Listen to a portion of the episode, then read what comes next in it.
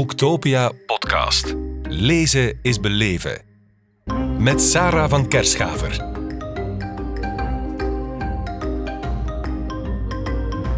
Nico de Brakeleer, welkom in onze podcast op Boektopia in Kortrijk. Dank u wel. Ja, welkom. Um, we hebben hier drie titels liggen die jij pas recent hebt uitgebracht. Ja, twee, uh, twee jeugdboeken, Het Kattenmeisje en uh, Soccer City.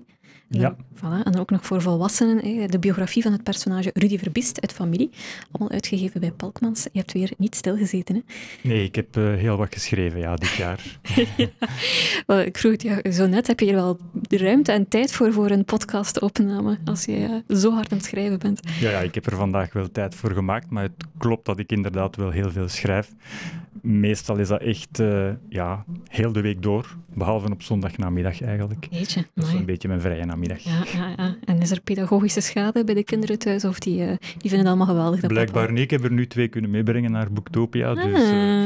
Zijn dat deze twee nee, ijsjeseters? Nee, nee, die, het zijn die andere kinderen. Af. Die zijn boeken aan het zoeken. Groot gelijk.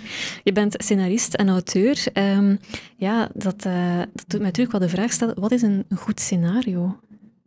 Een goed scenario is een uh, verhaal dat eigenlijk de lezer of de kijker meeneemt en dat hem niet meer wilt stoppen met mm. kijken of lezen. En daarom ook dat ik altijd in mijn boeken uh, echt de structuur van een filmscenario neem. Omdat een film is zo geschreven dat je dat direct meeneemt en dat je meeblijft van begin tot eind.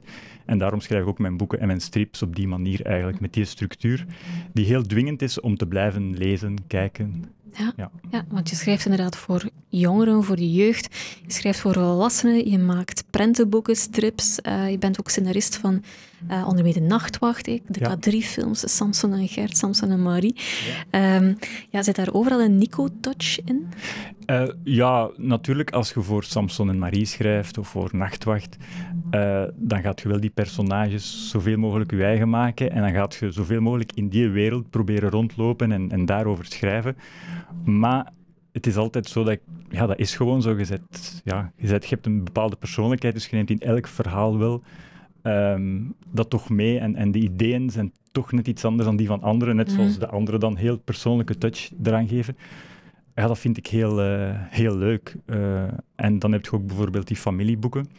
Um, waar je natuurlijk heel trouw moet blijven aan de reeks. Mm. Maar dat je toch weer een eigen wereld kunt scheppen, want ze zorgen al, er altijd voor uh, ja, dat het een personage is dat bijvoorbeeld een jaar weg is, zodat je echt zelf kan beslissen waar dat die zit. Alleen moet je zorgen dat het de laatste aflevering waar die inkomt en de eerste waar die terug inkomt, ja. dat dat klopt. Ja. En zolang dat klopt, heb je eigenlijk de volledige vrijheid en daar kun je wel dan heel grote persoonlijke touch in ja. steken. Oké, okay, fijn.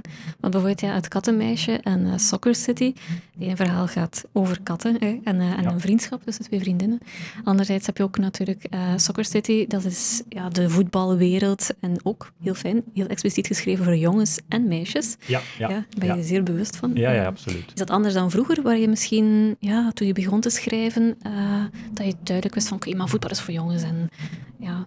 Ja, ja, in het begin dacht ik daar ook niet zo bij na, maar het is eigenlijk door zelf kinderen te hebben, dat ik wel, ja, dat ik daar wel dat gevoel, de gevoeligheden uh, beginnen erkennen ben eigenlijk, en die ook wel in, uh, mijn, uh, in mijn boeken steek, ja. Um, dus daar kijk ik eigenlijk niet naar. Uh, kan inderdaad, voetbal is, kan even goed voor een meisje zijn dan voor Kattenjongen, een jongen. dat, dat zou niet pakken misschien. Dus, uh... De kattenjongen, ik weet het niet waarom Oh. het niet zou pakken. Uh, ik denk dat er, ik ben zelf een jongen, ik hou enorm van katten. Dus, uh, Oh, geweldig, oké. kijk, ik denk is wel dat dat, dat dat zou pakken. Ja. Um, dus ja, ik ben zelfs nu een, een, een serie aan het bedenken waar het echt over meisjes gaat die voetballen. Dus het is, uh, Fijn, alles is mogelijk. Ja. absoluut. Je bent nu twintig jaar aan het schrijven. Ja, dit jaar 20 jaar. Fantastisch, Uh, dus, uh, en mijn tachtigste boek komt binnen twee weken Ach, uit. kijk. Ja, Dus uh, een feestje. Een feestje, ja. voilà. Um, hoe ziet een normale werkdag er voor jou uit als je aan zo'n tempo schrijft? Een normale werkdag is uh, rond 7 uur, half acht opstaan. Uh, iets eten en dan om half negen begin ik te schrijven tot 12 uur. En dan om half één begin ik terug. En dat is dan tot half zes. Amai. En s'avonds doe ik dan meestal uh, ja, wat boekhouding of wat mails sturen terug. Uh, dat wel. En soms nog schrijven s'avonds, maar niet zoveel eigenlijk. Dat is echt voor het weekend op zaterdag en zondagochtend. Ja. de rode draad doorheen het kattenmeisje en Soccer City is vriendschap, denk ik. Hè? Ja, Ja. sowieso heel belangrijk. Eh, ja, in, in, in, ja, sowieso in al wat dat je schrijft, vriendschap en liefde zijn nu eenmaal twee basisdingen die je overal gaat terugvinden. Kijk ook naar films gelijk welke. mag een actiefilm zijn, er gaat een romantisch lijntje of Mhm. vriendschap tussen twee meisjes, of een jongen en een meisje, of twee Mhm. jongens. Ja, en ik vind dat ook heel belangrijk, eh, die vriendschap om... Ja, dat, dat maakt ook uw verhaal. Dat is eigenlijk de basis van uw verhaal, waarover het ook gaat. Uiteindelijk lezen de lezers om te kijken hoe dat de personages met elkaar omgaan. Ja. The Walking Dead, ik kan nu een heel extreem voorbeeld nemen. Gaat eigenlijk niet over zombies, maar gaat over hoe leven die mensen met elkaar. Zo kun je het ook zien. Ja, Wat dat ons bij jouw favoriete genre brengt. Ja, ja, ja. horror. Horror, ja, dat ligt toch wel allemaal heel ver, het kattenmeisje van horror. Ja, ik ben ooit begonnen met eh, fantasy- en horrorboeken. Maar dan ook weer door, die, door kinderen te krijgen, dan gaat je ook andere interesses krijgen, gaat hun interesses gaan overnemen.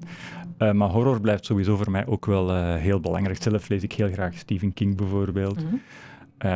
Ja, dat vind ik heel leuk. En nu, eh, volgend jaar, komt er een nieuwe reeks van mij. En dat zal dan een eh griezelhorrorreeks zijn Ah, eh, voor kijk. jongeren eh, vanaf tien jaar ongeveer. Ja, ja. En hoe weet je hoe, dan, hoe ver je kunt gaan met horror bij kinderen?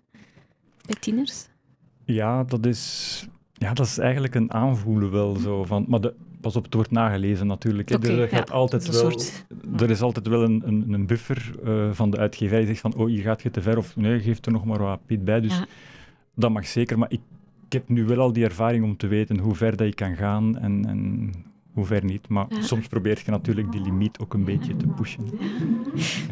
Ik heb gelezen dat je als kind helemaal niet graag las. Nee. Ja, Nee, ik haat te lezen. Eh, strips las ik heel graag, maar het is eigenlijk pas vanaf mijn dertien mhm. dat ik graag beginnen lezen ben. En dat kwam toevallig door een griezelboek van Anthony Horowitz. Hmm.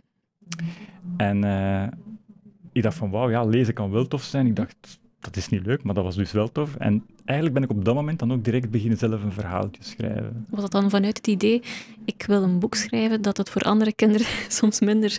eh, Dat is het idee nadien geworden. maakt. Op dat moment dacht Ja. ik gewoon, oh, dat lijkt me wel leuk om ook zoiets te Ja. doen. Maar nadien wel, want nu schrijf ik vooral dingen die ik vroeger had willen lezen. Dat, is wel, dat vind ik wel belangrijk, ja. dus jij schrijft een beetje voor jezelf. Ja, ik denk dat je altijd ook voor jezelf moet schrijven. Eh, ik hou altijd rekening met de lezers en met welk doelpubliek dat ik wil aanspreken. Maar uiteindelijk, ja, als je niet voor jezelf schrijft, vind je het niet leuk ook waarschijnlijk, dat je aan het schrijven Ja. bent. Dus Ja. ik moet het zelf ook, zou het zelf ook wel willen lezen, op die leeftijd waarvoor dat ik het schrijf, natuurlijk. Dat snap ik. Het is een persoonlijke vraag, maar als ik zie of lees welke scenario's je allemaal bedenkt, welke verhalen er allemaal door jouw hoofd passeren, hè, en ook de horror, de spanning, vriendschap, is het echte leven dan niet heel saai voor jou? Zo opstaan om zeven uur, hè, eten, schrijven, eten, schrijven, eten, schrijven, slapen, werken. Ja, ja eh, Er zit weinig horror in, hè? daar zitten ze weinig gelukkig misschien. hè. misschien, Ik ben eigenlijk blij dat het leven redelijk saai is, weet je? dat er niet te veel spannende dingen gebeuren, maar dat alles gewoon zijn gangetje gaat. Dat ik rustig mijn ding kan doen en dat ik dan in die wereld kan duiken waar Ja. alles mogelijk is en waar het ook geen repercussies heeft. Mhm. In de echte wereld, als er iets gebeurt, iets zuiveringswekkend, ja, dat heeft repercussies. Ja. In die boeken niet. En dat is juist ook wat dat zo leuk is. Ja. Die uitlaatklep die eigenlijk geen kwaad kan. Je kunt eh, heel ver gaan. En eh, in het echte leven is dat niet zo natuurlijk. Nee, dus als ik het goed begrijp, is eh, het spannendste wat in jouw leven ooit is gebeurd, die keer dat je op een boekenbeurs buiten wandelde met je eigen boek en van diefstal. eh, Dat was een heel werd. spannend moment voor mij, ja, absoluut. Ja, oké, nu snap ik. Waar werk je op dit moment aan? Goh, aan eh, vele dingen. Ik werk aan Bron 3, dat is een young adult reeks die ik aan het schrijven ben. Eh, dus daar zijn al twee boeken van geweest, ben ik nu een derde bezig. Ik ben ook nu een roman voor volwassenen aan het schrijven, een horror eh, roman. Echo is de werktitel, kan nog veranderen van, eh, van een beetje Rosemary's Baby, zo die, Ah, ja. die sfeer van een vrouw die zwanger is en dan gebeuren er allerlei akelige dingen.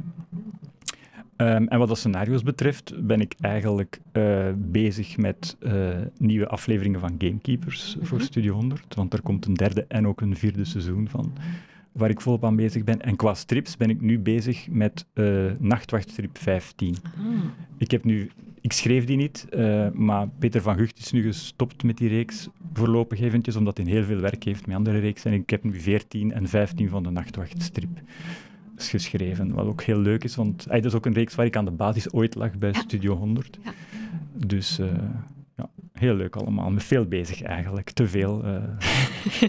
dat is een luxe probleem, maar ook wel een, uh, een pittig luxe probleem. Ja, dat is waar. vind het daar is ook niet jammer. De machtwacht bijvoorbeeld, dat is heel populair bij kinderen en bij jongeren. Ja, en je hebt dan zo'n onzichtbaar werk. Eh, het is niet dat je... Ja, ja je bent, ligt er mee aan de basis van, maar mensen ga je waarschijnlijk op straat niet aanklampen. Nee, gelukkig. Ah, gelukkig. Je bent er blij om. Ik ben wel heel blij dat er bepaalde reeksen van mij, of dat nu van Studio 100 zijn of van mezelf, heel bekend worden. vind ik hm? echt super. Ja. Maar ik zou het niet echt super vinden om als Nico de Braakleer, zo echt, dat hoeft voor mij Ik heb wel enkele reeksen die echt bekend geworden zijn, die echt het goed doen. En dan ben ik echt meer dan tevreden. Het gaat echt niet om mij, maar om de reeksen. Dat, is, dat is voor mij belangrijk. Ja.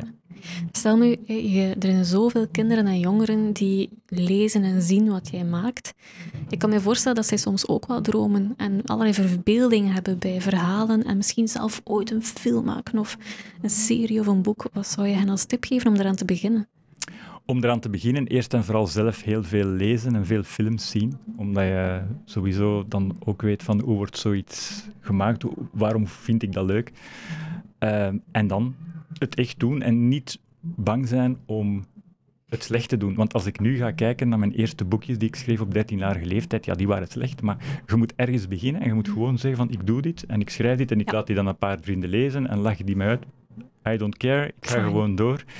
En blijven doorzetten is een heel belangrijke, want het kan zijn dat je eerste boeken ook, als je dan 20 of 25 zet, die afgekeurd worden. Gewoon blijven doorgaan en blijven schrijven en doen wat je graag doet. Oké, en als je twijfelt, Nico bellen of mailen. Ja, dat mag. de hulplijn. Oké, geweldig. Nico, hartelijk dank om hier te zijn en te vertellen over je boeken. Heel veel succes met je werk en met alles wat je doet. Het was fijn eh, om jou te horen hier. Dank u wel, graag gedaan. Boektopia podcast. Lezen is beleven. Beluister ook de andere podcasts live opgenomen op Boektopia 2022. Nu via je favoriete podcast-app.